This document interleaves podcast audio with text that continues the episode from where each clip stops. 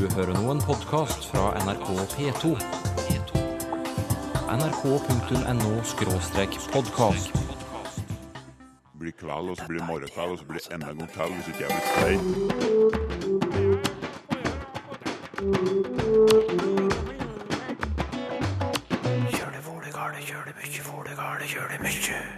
Hva er denne greia som stadig flere snakker om? Hva er greia med det?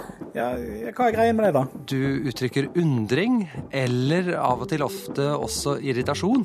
Og hva synes du om banning på TV? Hey, Robert. Man kan jo gjøre som de gjør i Amerika, setter sånn bipelyd. Men det er jo én måte å gjøre det på. Glomma, da er det glomma, ikke glåma. men tonem to. Hva er det du strever med nå, Sylfest Lomheim? Glåma og glomma. Ja vel? Glomma, glomma, glomma og glomma. Eller Ja. glomma. Hva vil du si? At vi plukker opp igjen den tråden senere i sendingen. Hva er egentlig denne greia som så mange snakker om? Hva er greia med at han skal være med? Jeg har hørt akkurat at det fins et eh, konditori som bare baker ting til hunder. Hva er greia med det? Ja, hva er greia med det, da? Greia er at jeg bare er så opptatt om dagen. Jeg ser alle går med sånn termoskopp, sånn med sånn lilla lokk. Hva er greia? Har du også lagt merke til denne måten å bruke ordet greia på? Språkprofessor Jan Svennevig han kan mye om hvordan vi snakker til hverandre. Hva er greia med greia, Jan Svennevig?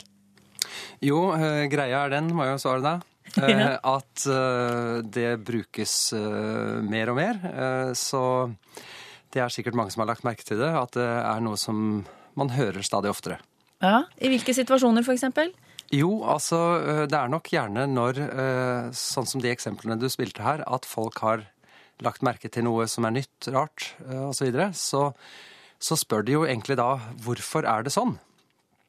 Så det er jo en, slag, en måte å spørre hvorfor på, men eh, som vi hører så er det også greia i bestemt form, sånn at eh, det forutsetter at eh, samtalepartneren vet hva det er snakk om, eller enten har lagt merke til det, eller eh, kan gjenkjenne det når du sier det. Sånn som at når da noen spør om hva er greia med at alle har lilla lokk på koppen, så eh, er det ikke sikkert at noen andre har lagt merke til det, men når du sier det, så forutsetter du at den andre er eh, i stand til å gjenkjenne det og, og se på det som en greie, nettopp som eh, et fenomen. Men ligger det noe mer i dette enn at vi bare setter spørsmålstegn ved noe vi har lagt merke til? Ja, det har et sånn ekspressivt element eh, som gjør at du også uttrykker dine følelser. Eh, du uttrykker undring, eller av og til ofte også irritasjon. Irritasjon? Eh, ja, at du, at du veldig ofte Nå har jeg samla ganske mange eksempler på dette her. Og veldig ofte så er det når folk skal klage over noe, at de bruker dette her. Altså, hva er greia med at man må kjøpe svindyre dagskort under avslutningshelgen? Mm. Er det en som spør her. Og da er det nettopp sånne ting at man spør ikke bare hvorfor det er sånn, men man uttrykker sin misnøye over, overfor det. Hvem er det som bruker greia når de snakker? Ja, det er nok eh, mest ungdom, og eh, når jeg da søker gjennom eh, tekster og samtaler hvor dette brukes, så er det overveiende ungdom som bruker det. Men jeg tror nok at dette sprer seg ganske raskt, sånn at det også er mange voksne som, som bruker det, og mer og mer. Men hvor kommer dette uttrykket fra? Greia er, eller hva er greia? Ja, Det vet jeg ikke helt sikkert. Eh, Jeg har sett etter engelske ekvivalenter, for ofte så er jo sånne motuttrykk eh, importert. Eh, Og det er klart, på engelsk så har man 'what's the deal with'? Og der finner man en del eksempler på det brukt på samme måte.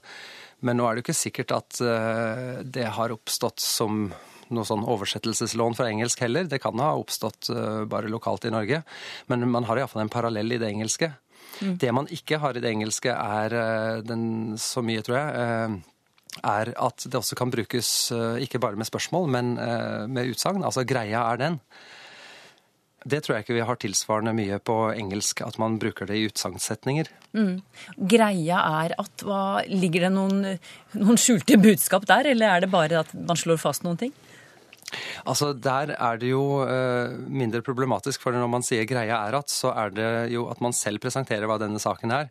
Så man forutsetter ikke like mye at den andre kanskje vet om dette her på forhånd.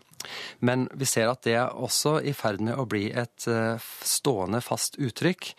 eh, sånne pragmatiske uttrykk som vi snakker om her, de har en tendens til å bli stående faste og dermed miste noe av sine opprinnelige egenskaper.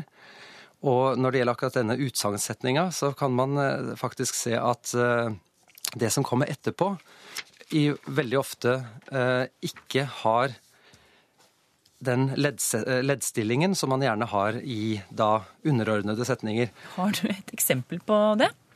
Ja, altså Jeg har et eksempel her hvor en sier greia er at det skjer liksom ikke så mye.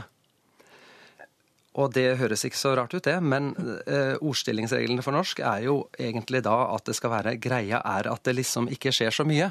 Ja. Eh, Så det vi finner mye av, er altså at man bytter om setter adverbet på den plassen som det har i hovedsetninger, og ikke i leddsetninger. Så greia er at blir en sånn innledning, og så snakker man som om det var en hovedsetning som kom, ikke som om det var en underordnet setning. Akkurat, så, så reglene forandrer seg på en måte? Ja, og det tyder jo da på at språkbrukerne her oppfatter 'greia er at' som en uanalysert klump, som et fast uttrykk som ikke da er en setning i seg selv, eh, men bare et, eh, et stående uttrykk som man, man bruker uten å se på det som en, som en setning. Men du sier at det også har dukket opp beslektede uttrykk til hva er greia, som vi jo snakket om i sted. Vi, Ja. Hva er det for noe? Altså, delvis så har du 'hva er det med at', som er nokså tilsvarende. Eh, og så er det en annen, et annet uttrykk som eh, brukes mye, og da eh, kanskje det aller mest eh, blant ungdom. Hva skjer med at? Eh, der har vi også eksempler, og de er veldig ofte de også når man skal klage på noe. Eh, hva skjer med at dekoderen driver og restarter hele tida? Så hva skjer med at eh, er, betyr vel veldig mye det samme, men nokså annet uttrykk det, som brukes, da. Ja, Annet uttrykk på hvilken måte? Ja, altså hva skjer er jo, er jo blitt brukt en god stund eh, for å starte samtaler med å si hvordan går det Ja, hva skjer da? eh, Hva skjer da? Eh, Så hvorfor det har fått den funksjonen er litt vanskeligere å forklare, og her tror jeg heller ikke vi kan finne noen klare paralleller i engelsk, men uh, iallfall så har det utvikla seg da hva skjer med at som eh, et synonymt uttrykk, da.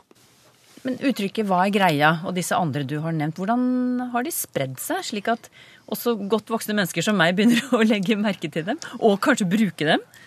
Ja, her er det nok litt det at eh, det er ikke noen veldig eh, rare, veldig ungdommelige ord i selve uttrykket 'hva er greia med at'.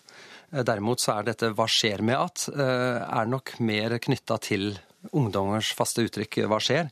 Så det ser ut til å spre seg litt mindre. Men eh, ellers så tenker jeg at eh, vi har tilsvarende uttrykk som 'saken er at' og sånn, som vi lett kan overføre.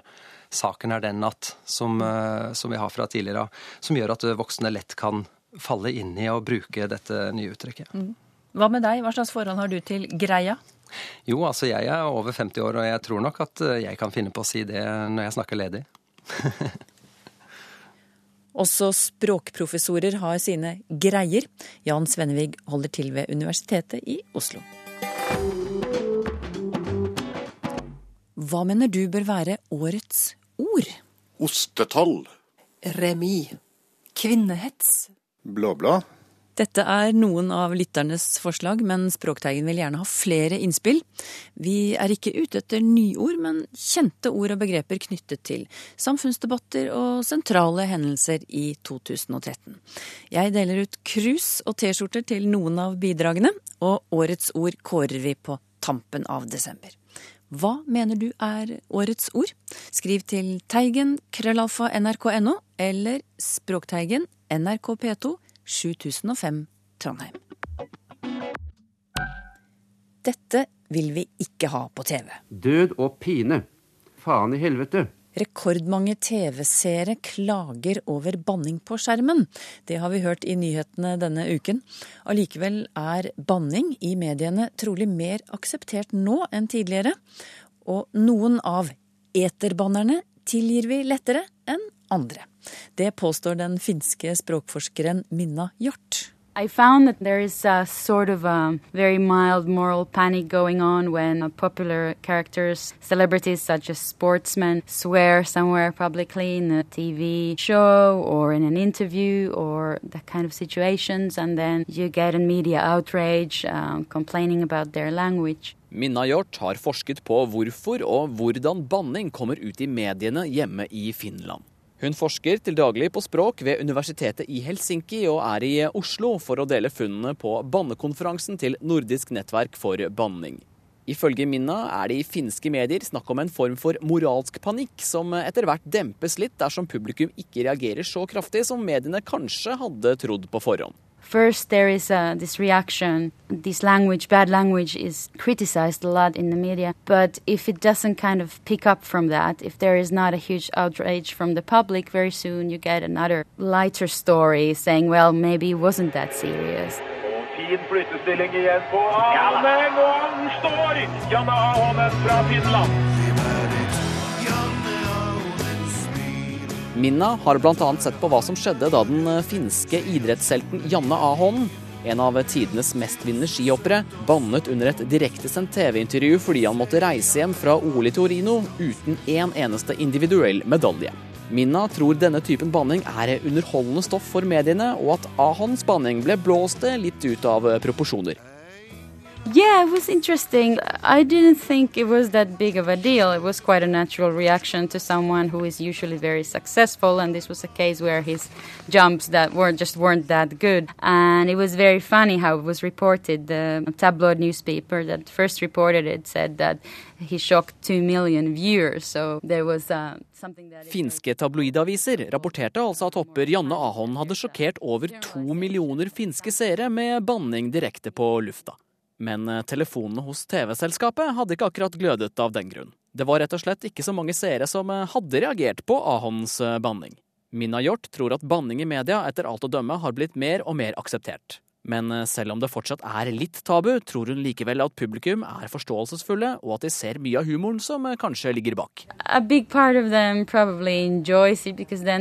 Feel, you know, like us. You know, kind of language, they do too. They're not better than me, I suppose. Men slipper idrettsutøvere lettere unna med banning enn andre offentlige personer? I hemningsløs seiersrus, f.eks. Banneforsker Mina Hjort tror dette kanskje kan være tilfellet. Terskelen for å banne i media er kanskje til og med litt lavere for folk fra underholdningsindustrien. I mean, if you're from the world of entertainment, you're a popular fiction writer, you're a musician or something like that, maybe it's more part of the general world where you come from. And then maybe if you're a more more serious line of business, like a politician or something, uh, it might be more easily judged. Hey, Robert. What? you. Man kan jo gjøre som de gjør i Amerika, setter sånn bipelyd. det er jo én måte å gjøre det på. Eller sånn i skrift så er det sånne krølltegn og utropstegn og stjerner og det, er mange, det er en lang tradisjon for det. Tenk på alle tegn. Tenk på Donald Duck, hvor mye det var av det der når det kom noe som ikke var helt passende. Sier Ruth Vatvedt Fjell, språkprofessor ved Universitetet i Oslo. Hun har lite til overs for banning i mediene, men tror det har blitt mye lavere terskel for å gjøre dette også i norske medier. Men de som banner mye i mediene, det er jo tegn på at de ikke føler seg helt trygge på seg sjøl, tenker jeg når de må gjøre det i si, embets medfør. Da. Det har jo vært, eh, Særlig i fagbevegelsen så har det liksom vært en slags, kanskje en slags solidaritetshandling. fordi i hvert fall før så mente man at det var mye mer banning i de lavere sosiale lag. Det var nok bare annerledes banning, etter min mening, men i hvert fall så følte liksom da de som satt i fagbevegelsen at det var en måte å solidarisere seg med arbeiderklassen og sine, de som hadde valgt dem på. Men det mener jeg er en misforståelse. Det er ikke nødvendig når man har Hvis man er trygg på sitt liv og sin rolle, så trenger man ikke å banne. Og det er en tysk prest som har undersøkt dette ganske grundig, og han kaller banning for 'rede der Ohnmacht', altså avmaktens språk. Og det syns jeg er ganske fint sagt, for det er jo det. Når man føler at det ikke er så mye annet man kan gjøre, så kan man i hvert fall bryte noen språklige tabuer. Det er billig. er det noe banning i media eller noe språkbruk blant eh, offentlige personer i Norge som du har eh, reagert ekstra på? Ja, jeg reagerte da den kommende svigersønnen til kongen skrev en roman som het uh, 'Trist som faen'. Ari Behn, 'Trist som faen', fortellinger. Det var forfatteren selv som leste.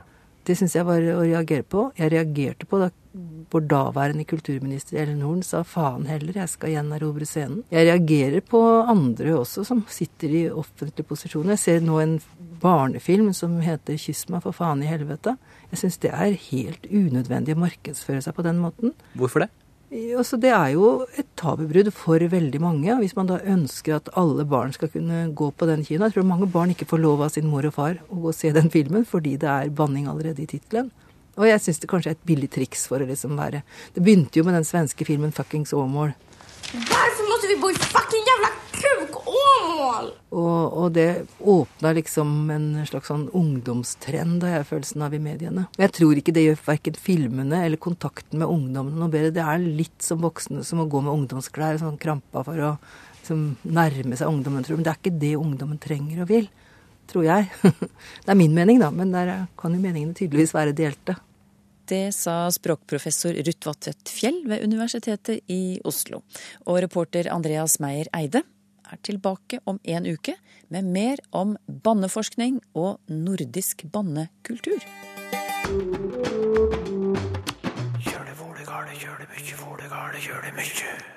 Der er du på plass, Sylfest Lomme, rustet til å svare på lytterspørsmål som dette fra Rebekka Fosse. Hun ber oss forklare ordet innbille som i å innbille seg noe. Og det mener jeg bestemt at uh, dette ikke er norsk i utgangspunktet.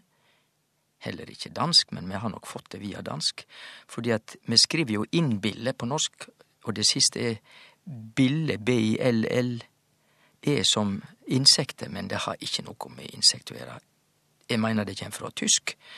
Einbilden, sich einbilden, og da blir det skrevet ein, og B-I-L-D-E-N, bilden, og da kjenner vi igjen det tyske ordet bilt, das bilt, som betyr et billete. Og da begynner det å gi god mening, fordi at hvis du innbiller deg noe, så får du et mentalt bilde av noe. Ole Morten Øvre Storhaug leste i en nyhetsmelding at flere sushisteder ble stengt på flekken på flekken. Hva er grunnen til at vi bruker dette begrepet, spør, spør han. Man sier jo f.eks. også 'ville ikke rikke seg av flekken'.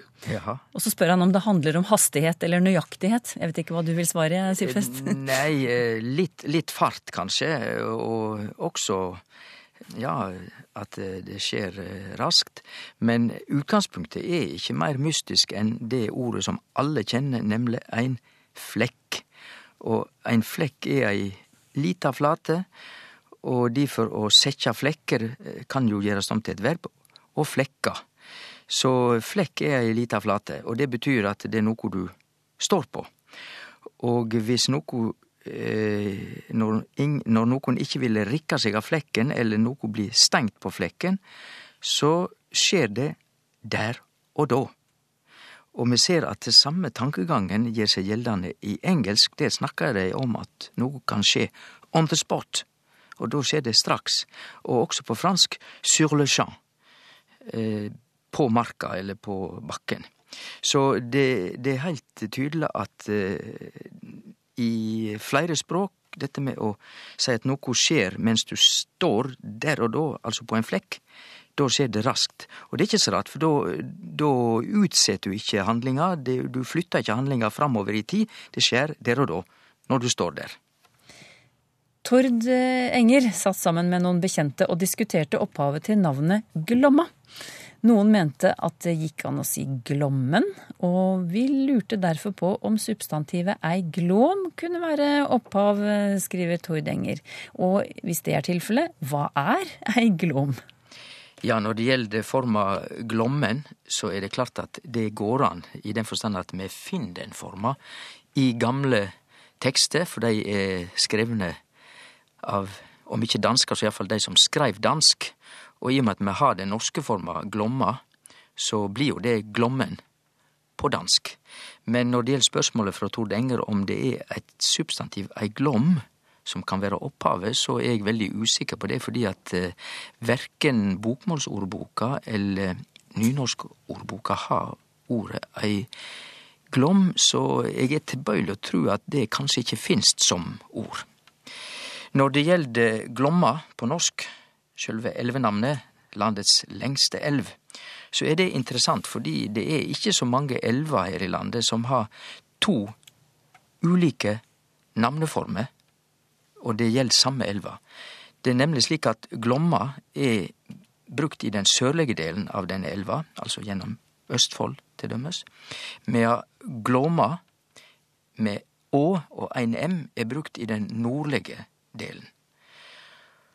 Og eh, dette ordet tyder kanskje, der er jo stadnamngranskerne litt usikre, men kanskje det ordet kan tyde noe som skiner litt bleikt og blankt. Denne store elva jo ofte i lange parti ganske stille og seintrennande, og da kan vi jo tenke oss at vatnet ser litt bleikt og skinande ut, og at det er opphavet til navnet Glåma eller Glomma i den sørlige delen. Hva kommer ordet oppskjørtet av, spør eh, Marit Rasmussen.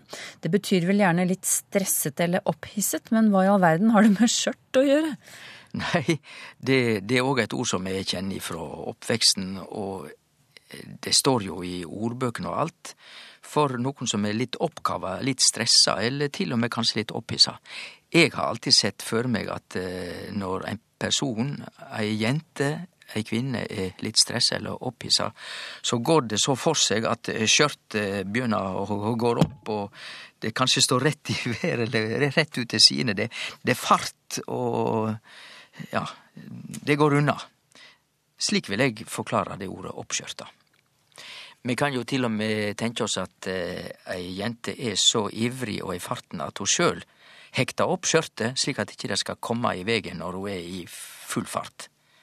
Sverre Meyer Knutsen lurer på om det går an å montere av tårn på en stridsvogn. I en artikkel leser han annet her monteres tårnene av og sendes til CHS Nord i Moelv osv. Er det ikke bare å skrive 'her demonteres tårnene', eller 'her tas tårnene av', spør Sverre Meyer Knutsen. Jo, det vil jeg seie meg samd i. Vi har montera, som betyr å setja på plass, altså å setja opp. Og så har vi demontera, som er det motsette, altså å, å ta ned, eller ja, å ikke setja på plass, men sette fra hverandre, plukke fra hverandre igjen. Det er òg de orda som vi finner i ordbøkene. Så det å montere av Vi forstår jo ordet, men jeg ville også sette et minus ved den ordbruken. Når det gjelder sjølve ordet, hva det kjem ifrå, så har vi det fra fransk 'monté', og på fransk betyr det rett og slett å stige opp, eller å føre opp noe. Bevegelsen er oppover. Og det høyrer vi òg i montera. Og det skriv seg rett og slett fra det latinske ordet for fjell, mons. Det stiger du jo som regel opp på. Åse Anna Markussen spør om ordet utkrøpen eller utkropen. Betydningen står i bokmålsordboka som utspekulert, listig, lur. Men hvordan har dette begrepet oppstått, spør hun. Ja, og det skriver ikke ordbøkene eksplisitt, altså tydelig. Utkroppen på nynorsk, utkrøpen på bokmål. Jeg kjenner det veldig godt fra vestnorsk. Jeg trodde det var allment kjent og brukt. Jeg ser for meg at når du er utkroppen, at ut ikke å krype ut hvor ei, en plass der du skjuler deg, men ut er mer forsterkende. Du er veldig slik at du, du, du smyger og kryper fram, og det er fordi at andre ikke skal merke hva du har fore. Så du lurer andre, altså. Det er slik jeg vil forklare det. Holger Sjåvik synes ordet nedbemanning klinger rart. For å bemanne, det er da å tilsette. Finnes det en god erstatning, spør han. Ja, erstatninger finnes det nok. Og når det gjelder nedbemanning, som betyr å få færre tilsette i, la oss si, ei bedrift, så bemanne, som skulle da være det motsette, er jo da å tilsette, og logikken mellom nedbemanning og bemanning er kanskje ikke helt lett å ta. Og det er ikke uvanlig i språket vårt. Hvis vi legger logikken på alle ord, så vil vi med jevne mellomrom se at logikken svikter av og til i ordbruken. Så slik er det. Men jeg liker jo heller ikke nedbemanning av, av den grunn at eh, ofte er dette et ord for å seie opp tilsette. Det er altså et såkalla pyntende ord, som er ei eh, positiv omskriving av noe som ikke er så hyggelig, iallfall for dei det gjelder. Så det er å redusere tallet på tilsette. Det er jo det som er nedbemanning. Det kan jo skje på to måter. Enten ved å seie opp folk, og det er ganske brutalt, eller ved å såkalla naturlig avgang, som det heter. Altså ved at folk slutter så ikke tilsetter nye. Da blir det jo òg færre tilsette. Men det ligger en aktiv handling i nedbemanning, slik at det er egentlig et omskrivende ord for å seie opp folk. Nicoletta Risteiu, du får ha meg unnskyldt hvis etternavnet ditt ikke var uttalt helt riktig, Nicoletta. Eh, I alle fall, Nicoletta lurer på hva ordet an egentlig betyr. Hun kjenner til meningen i uttrykk som kommer an på, legge an, gå an, men er usikker på hva ordet i seg selv betyr.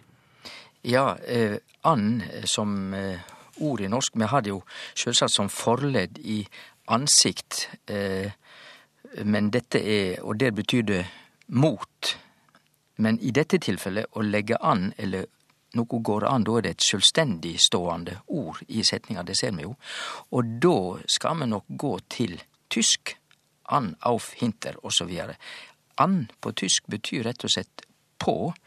Og det har vi òg tatt inn i norsk via dansk, slik at vi kan si å legge, men vi kan også si å legge an. Og da betyr det altså å legge på, bokstavelig talt. Og hvis noe går, eller noe går an, så er det samme preposisjon an som vi på norsk vil omsette med på. Men det betyr jo ikke på i, i dagens norsk, men det er Nicoletta spør om bakgrunnen for ordet å gå an, eller å legge an. Det er altså det tyske an. Har du spørsmål til Språkteigen? Skriv til Teigen, krøllalfa nrk.no, eller til Språkteigen, NRK P2, 7005, Trondheim. Så finner du oss også på Twitter og på Facebook. Hva betyr egentlig goro? Og hvor kommer fattigmannen fra? Språkteigen kaster seg over julebaksten om en uke.